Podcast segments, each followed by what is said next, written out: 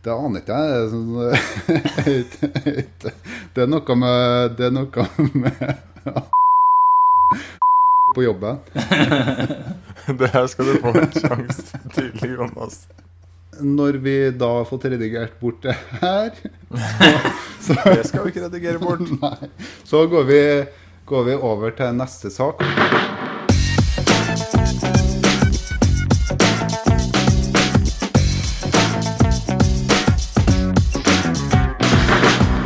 Du hører på Psykologlunsj, populærvitenskapelig lunsjprat med psykologene Tommy, Jonas og Jan Ole.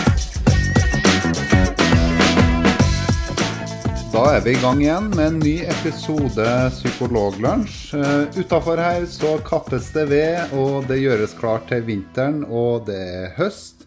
Jan Ole Hesselberg er med. Han har vært på norgesturné, eller vestlandsturné.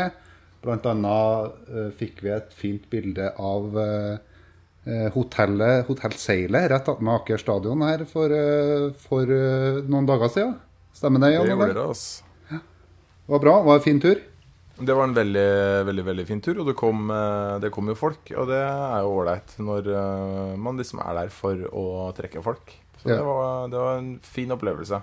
Ja, og det var i forbindelse med Human-Etisk Forbund sin eh, mer sånn eh, Det var en sånn vitenskapsturné, var ikke det, Jan Ole? Ja, altså det var noe som het Humanistisk uke, som er en eh, et sånt årlig arrangement som Human-Etisk Forbund eh, arrangerer. Og så var det i samarbeid også med Forskningsdagene, som er på, på samme tidspunkt. Ah, ok. Og så Tommy. eh, Ja. Utafor til deg så kappes det ikke ved, men eh, du sitter Her på det Melhus. ingenting. Ja, her skjer det ingenting. Nei.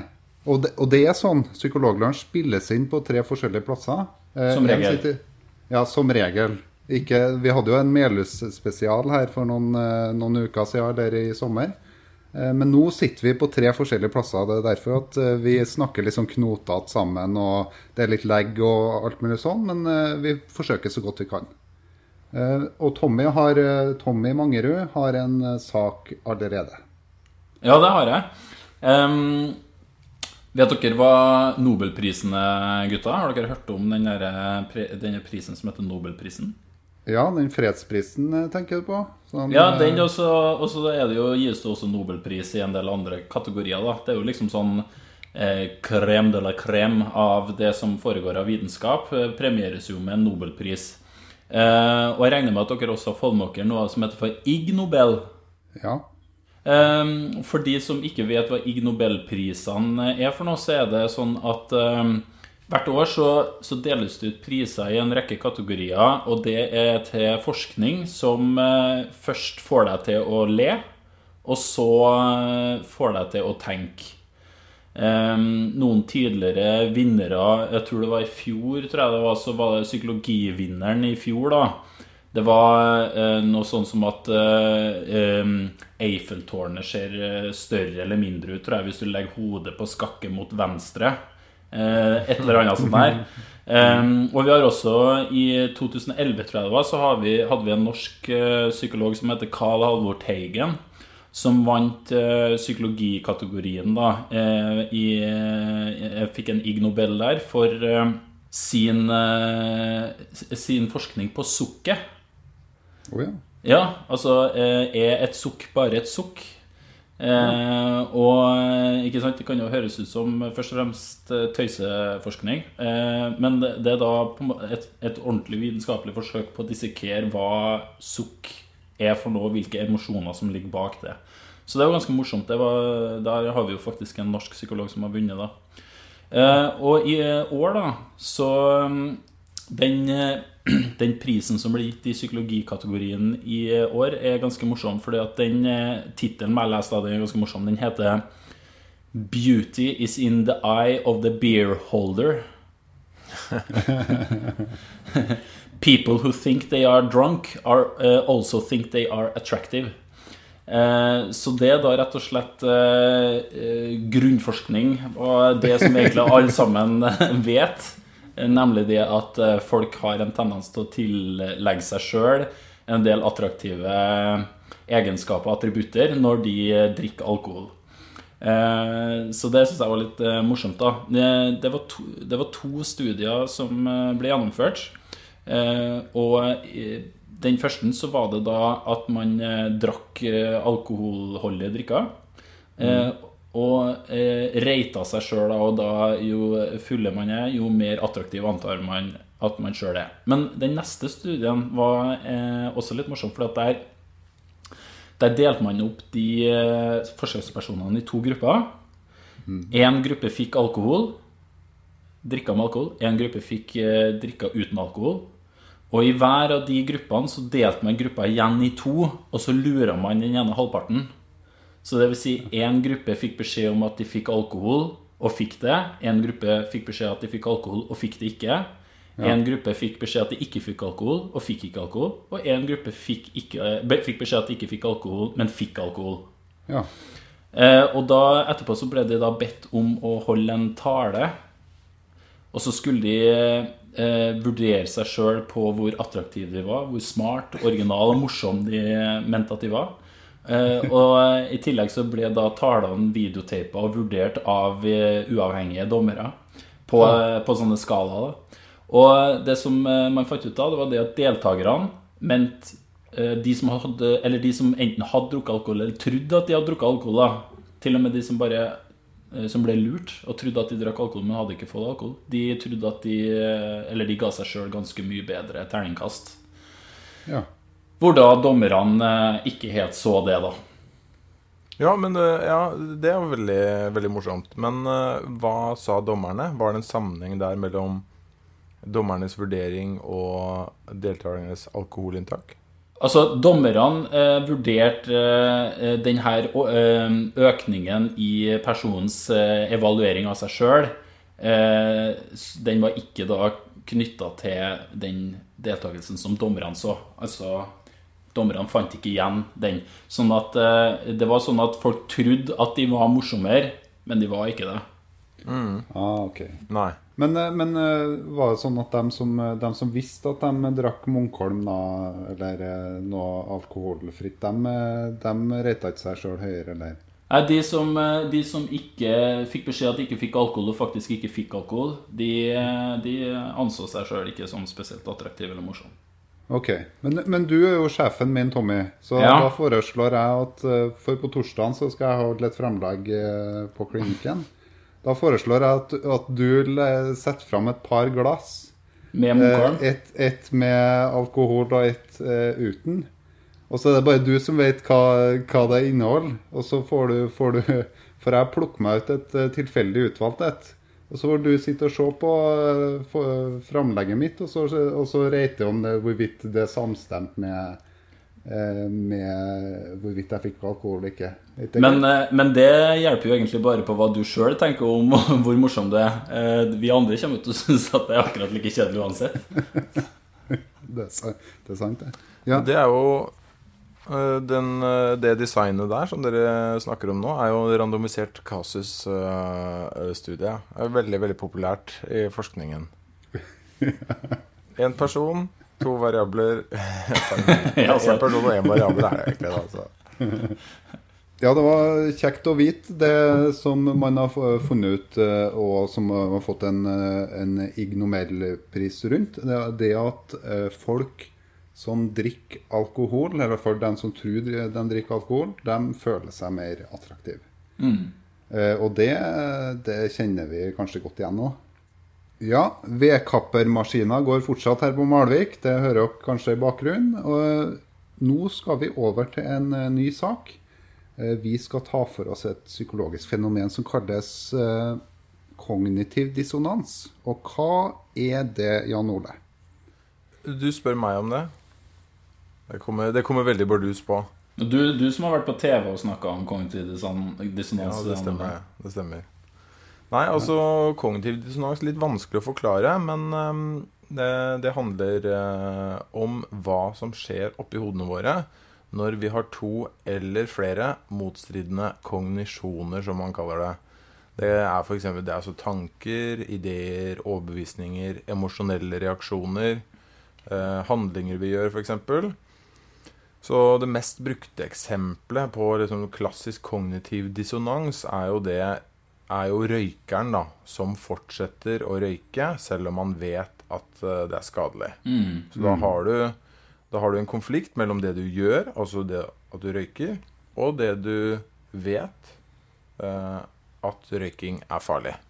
Mm. Så det, er, det kalles da kognitiv dissonans. Og det er nok noe vi opplever veldig mye. At det er en sånn At det er en eh, eh, kontrast, eller en dissonans, da, mellom eh, det vi gjør, og det vi har av verdier og holdninger og sånn, f.eks. Hvorfor driver folk på med sånt, da? Det er jo helt Det er jo kjempedumt.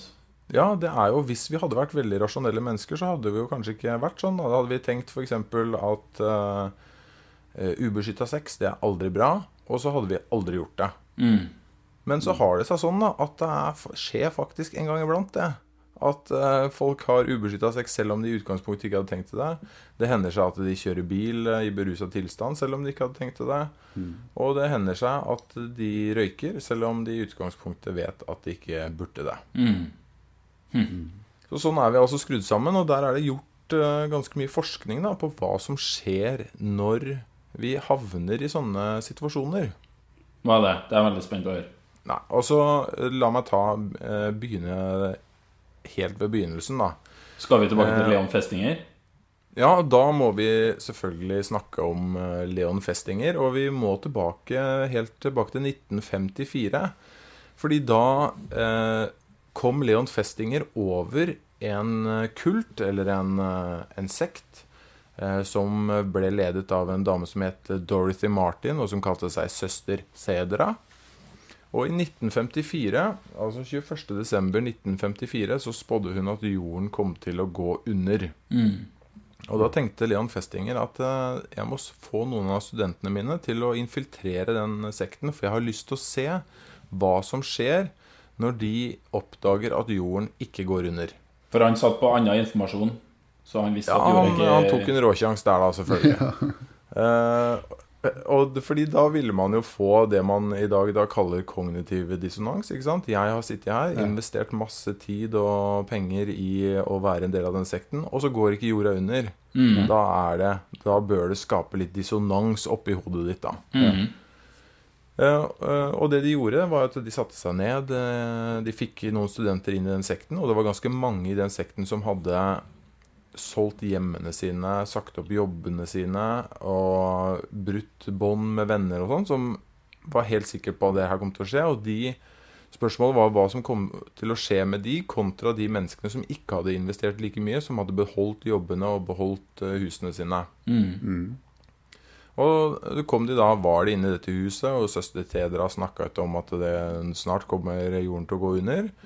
Klokka slo tolv da det skulle skje. Det skjedde ingenting. Da var det noen som fant ut at det var en klokke på kjøkkenet som gikk litt grann, eh, feil. Så den var, fortsatt fem minutter igjen, så da hadde de nye fem minutter på seg. Ja. Eh, men så ble det jo da klokka tolv på den klokka òg, og det skjedde fortsatt ingenting. Og det ble rapportert om mye gråt, og søster Cedra syntes jo ikke det her var noe særlig, selvfølgelig. Inntil hun kom på at det som måtte ha skjedd, det var jo det at de hadde Det at de hadde samlet seg, hadde skapt så mye positiv energi De at de hadde reddet det. verden fra å gå under. Ja, bra, bra at de gjorde det, da. Så det som faktisk skjedde, da, og som eh, Leon Festinger da beskrev, var at det var sånn at de som hadde investert mest i dette, de som hadde sagt opp jobbene sine og sagt opp eh, og brutt med venner, de var de som ble enda mer engasjert i denne sekten etterpå. Mm. Ja. Eh, mens de som ikke hadde investert så mye, de hadde ikke så mye å forklare for seg selv, på en måte. Så de eh, skled sakte, men sikkert ut av den sekten. Mm. Og det var jo forløperen til det som eh, er studiene på kognitiv eh, dissonans også. Mm. Ja. Og kanskje det aller mest kjente, eh, den aller mest kjente studien er en studie hvor deltakere inviteres til å gjøre en ekstremt kjedelig oppgave. Mm. Og hvor noen da får betalt uh, penger etterpå for å lyve til deltakere i venterommet og si at det var en veldig spennende oppgave. Var det å redigere podkast?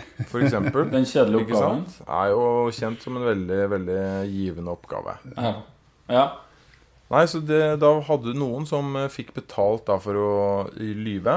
Noen fikk betalt veldig mye penger, Mm. og noen fikk betalt veldig lite penger. Mm. Og det, bare for å forklare Det er alltid litt vanskelig å, å forklare det, men det som, eh, det som skjer, da, var tanken til festinger i alle fall, var at når du betaler noen veldig lite penger for å lyve, så vil de oppleve mye dissonans. Fordi da er det sånn at er, Da må du spørre deg selv Er jeg et menneske som lyver for bitte lite penger? Og det er vanskelig å svelge. Stort sett så tenker vi at vi lyver ikke. eh, og jeg lyver i hvert fall ikke for lite penger. Så da må du forklare det på en eller annen måte overfor deg selv. Mens de som får mye penger, de trenger ikke å forklare det med noe annet enn at eh, ja, ja, jeg lyver, jeg. For veldig mye penger, så lyver jeg gjerne. Mm. Eh, Så det man så i denne studien til Festinger, var at de som hadde løyet for veldig lite penger, de rapporterte etterpå at de faktisk syntes at den superkjedelige oppgaven var ganske interessant. Mm. Mens de som hadde løyet for mye penger, de synes ikke at uh, oppgaven var spesielt interessant. Mm. Hvis man tenker, Når man får forklart det litt sånn, så skjønner man at det er ganske logisk, egentlig. Men jeg tenker sånn, det her er jo litt sånn som kan forklare en del andre ting som vi også er litt kjent med i dag. Alt ifra at f.eks. det her med å gi blod en ting som du ikke får betalt for. I hvert fall ikke noe som hvert fall ikke noe Du får kanskje ja, du får, en, du får en kopp eller et eller annet sånt noe. Men det er ikke sånn at du får liksom hundrevis av kroner per liter blod du gir. Eh, og jeg lurer på om er ikke det sånn at man også har gjort noe eh, Undersøkt det, at hvis at du En del sånne type eh, altruistiske, ikke-egoistiske eh, gjøremål, eh, så får du litt sånn dårligere respons fra folk hvis at du gir dem penger. Altså at det er en ting som folk faktisk må gjøre fordi at de faktisk har lyst til å gjøre det. Ja, altså eh, Man kan jo på en måte se for seg en sånn slags at hjernen din har en slags indre dialog da hele tiden. Eh, Du har noen verdier og noen holdninger. Eh, Og for enkelhets skyld så kan man si at liksom grunnholdningene i oss alle er at jeg er et oppegående og fornuftig menneske. Um, og da får man uh, Hvis man f.eks. da uh, går og gir blod, og man gjør det gratis, så får man et slags sånn forklaringsproblem oppi hodet sitt. Jeg er et oppegående, fornuftig menneske. Hvorfor går jeg hit og bruker mange timer på dette når jeg ikke får noe penger? Fordi et oppegående er godt menneske. Ja, ikke sant? Da, kan du, da løser du det enkelt og greit for å si fordi dette er veldig viktig. Og for det betyr mye for meg å gjøre dette. Så jeg liker å gi blod. Eh, og det ser man også, at når man betaler folk eh, summer for å gjøre sånne ting som det der, så går eh, tilfredsheten deres ned. Mm. Altså, så hvis du, hvis du betaler noen for å gi blod, så blir de mindre fornøyde med det å gi blod enn hvis du eh, ber de gjøre det gratis, og de faktisk gjør det. Og dermed så eh, er lønna di halvert fra mandagen av, Jonas. Jo, jo, takk for det. Det er dessverre sånn at du fortsatt er liksom i pengedomenet, Jonas, og det hadde ikke funket.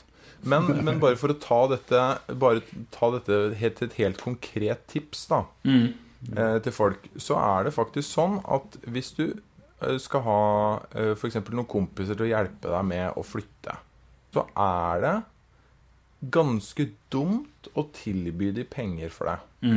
Ja.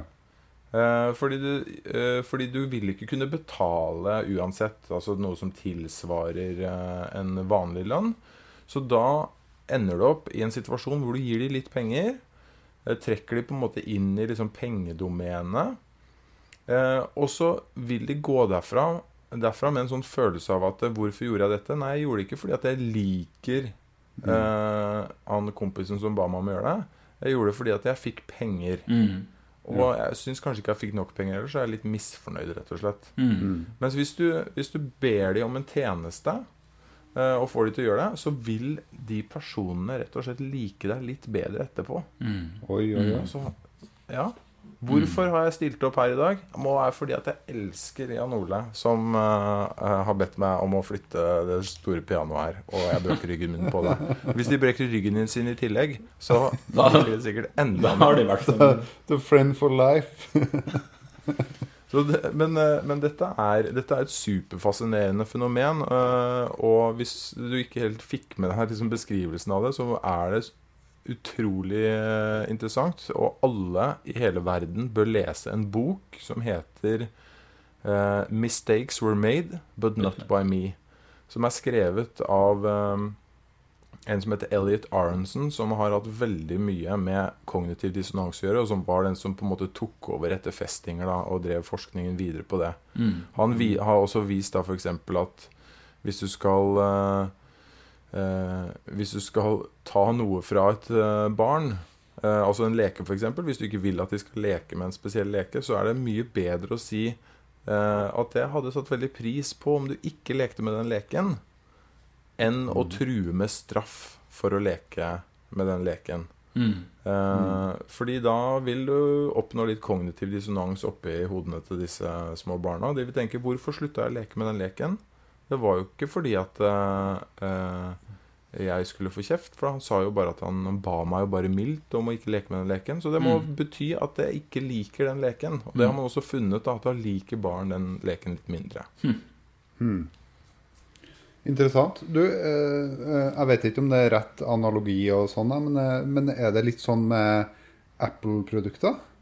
Jeg er jo så, så utrolig glad i iPhonen min. Ja. Og når jeg har kjøpt den, så det, jeg egentlig får, er jo elendig maskinvare. Eh, og, og sammenligna med andre telefoner som jeg får mye billigere, så, så er det jo er det mye bedre maskinvare, og, eh, og programvaren er litt eh, nyere. Og det er mye mer funksjoner, egentlig. Men du har betalt Men- masse men- for den da, Jonas? Hæ? Ja, men du har betalt masse for den, da? Ja, jeg har investert masse i den. Altså atferden min. Okay. Jeg har gjort, gjort masse for den, Mens i etterkant eh, så, har jeg, så har jeg en følelse av at jeg har fått eh, eh, Eller eh, så burde jeg jo ha fått den følelsen at jeg, her har jeg fått ganske, for lite, ganske lite tilbake. Ja, Eh, men, men- ikke sant Det vil jeg jo Jeg vil jo si eh, Altså jeg har brukt Apple som eksempel i flere foredrag på andre ting også. Hvordan de utnytter seg litt av de her tankefellene og, og kognitive feilslutningene vi gjør. Uh, og jeg vil jo si at de har vært ganske gode på det tidligere. Så kan man jo kanskje se for seg at det har tenkt, de har tenkt litt kognitiv dissonans her, da. Ja. Sørg for å jekke opp prisen. Hvorfor betaler du så mye for så marginal uh, uh, maskinvare? Jo, det må være fordi at jeg elsker dette produktet. Og ikke bare det. Så sørger de jo for at du må betale veldig mye etterpå også. Ja. Du betaler litt mer for appene, og du betaler også uh, mye mer for sånn cloud, sånn skylagring og synkronisering og sånn. Så du minnes hele tiden på at du gladelig gir eh, penger til dette veldig trengende selskapet som sliter med å få økonomien opp og gå. eh, så det må være fordi at du elsker det, selvfølgelig. Det er min analyse av eh, dette. Men hvis but butikker som er sånn halvdyr, sånn som Bunnpris f.eks., vil, vil ha kunder som man ønsker skal komme tilbake, skal det stå en dørvakt i, i enden og sparke folk i rumpa når de går ut, eh, vil, det, vil, det, vil det ha en positiv effekt? Tenker du det? Jo, altså hvis du, hvis du eh, presser deg gjennom masse lidelse ja. for å få billige produkter, så, så skaper du nok kognitiv dissonans. Ja, kanskje du må få jevnlig Du må ha en, en jevn strøm av negative Eller mer sånn eh, Hvorfor gikk jeg videre på det her? Hvorfor gikk jeg en reol til? Det sto jo en og sparka meg i rumpa ved neste reol også. Hvorfor gikk jeg det skrittet videre og kjøpte meg melk? Og der sto det enda en og sparka meg i rumpa. Så, så, så når man hele veien kommer seg ut, så, så får man, eh, tenker man at ja, når jeg gikk gjennom hele butikken og gjorde alle de eh, aksjonene, så må jo det bety at jeg liker bunnpris og deres måte å behandle oss kunder på. Ja? Vet du? Jo, det, det høres helt riktig ut. Så derfor, Det er derfor vi liker litt sånn eh, dyre restauranter hvor eh, hovmesteren nesten rakker ned på oss. Eh, når vi sier at vi skal ha den røde vinen til maten. Men ja, det er, jo, det er jo interessant det der med pris og sånn. Og det, det, det med kognitiv dissonans har vært knytta til akkurat det med pris. ikke sant? Hvorfor betaler du kjempemye for et produkt? Det skaper litt grann dissonans i hodet ditt. Ja. For eksempel hvis du kjøper en veske til 10 000 kroner, så eh, bør det skape litt dissonans. For du har jo sett en god del andre vesker som koster mye mindre, og et fornuftig menneske burde kanskje kjøpt noe som koster mye mindre. Ja. Og da løser hjernen det kanskje for å tenke at eh, fortelle deg at det må være mye bedre kvalitet, da. Ja. Eller at, det er, eh, at du har gjort deg fortjent til det, f.eks. Eh, og det var jo det vi ønsket å finne, fram, eh, finne ut i Folkeopplysningen også. Da vi gjorde vårt lille kognitiv eh, Eller vår lille kognitiv dissonans-studie der. Mm. Som ikke var en studie i det hele tatt. Men det vi gjorde der, var i hvert fall at eh, noen eh, mennesker fikk en tullebehandling.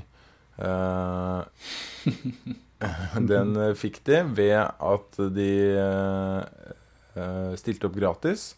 Og så var det en gruppe som fikk den samme behandlingen og fikk 400 kroner for å stille opp. Mm.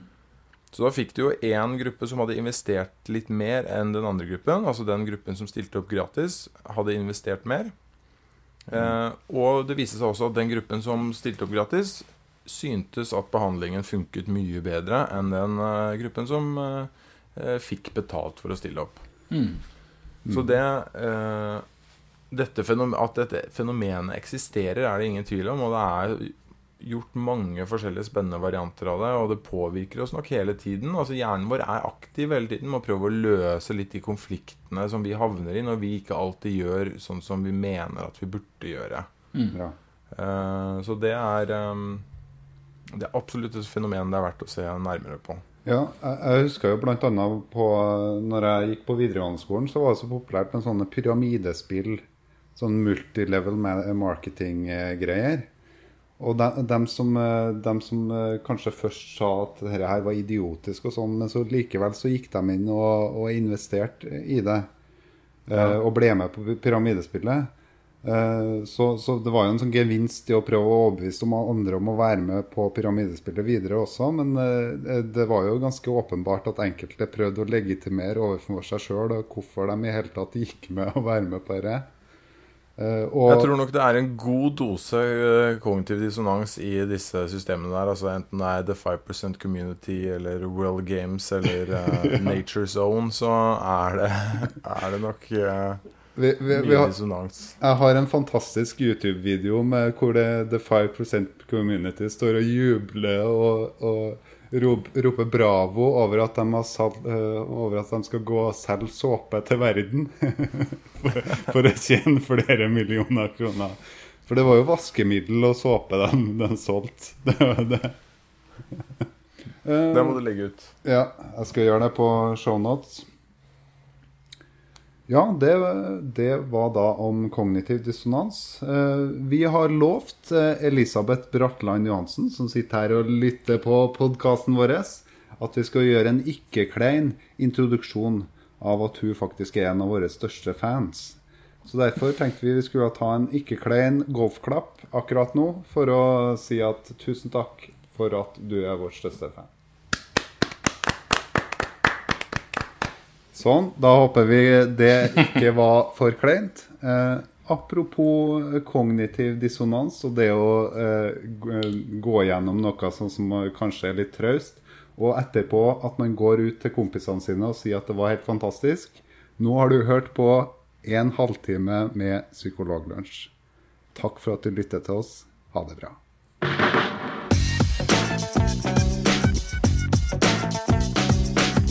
Du har nå lytta til Psykologlunsj. Har du noen spørsmål, kan du søke opp Psykologlunsj på Twitter, eller du kan sende en e-post til psykologlunsj alfakrøll gmail.com.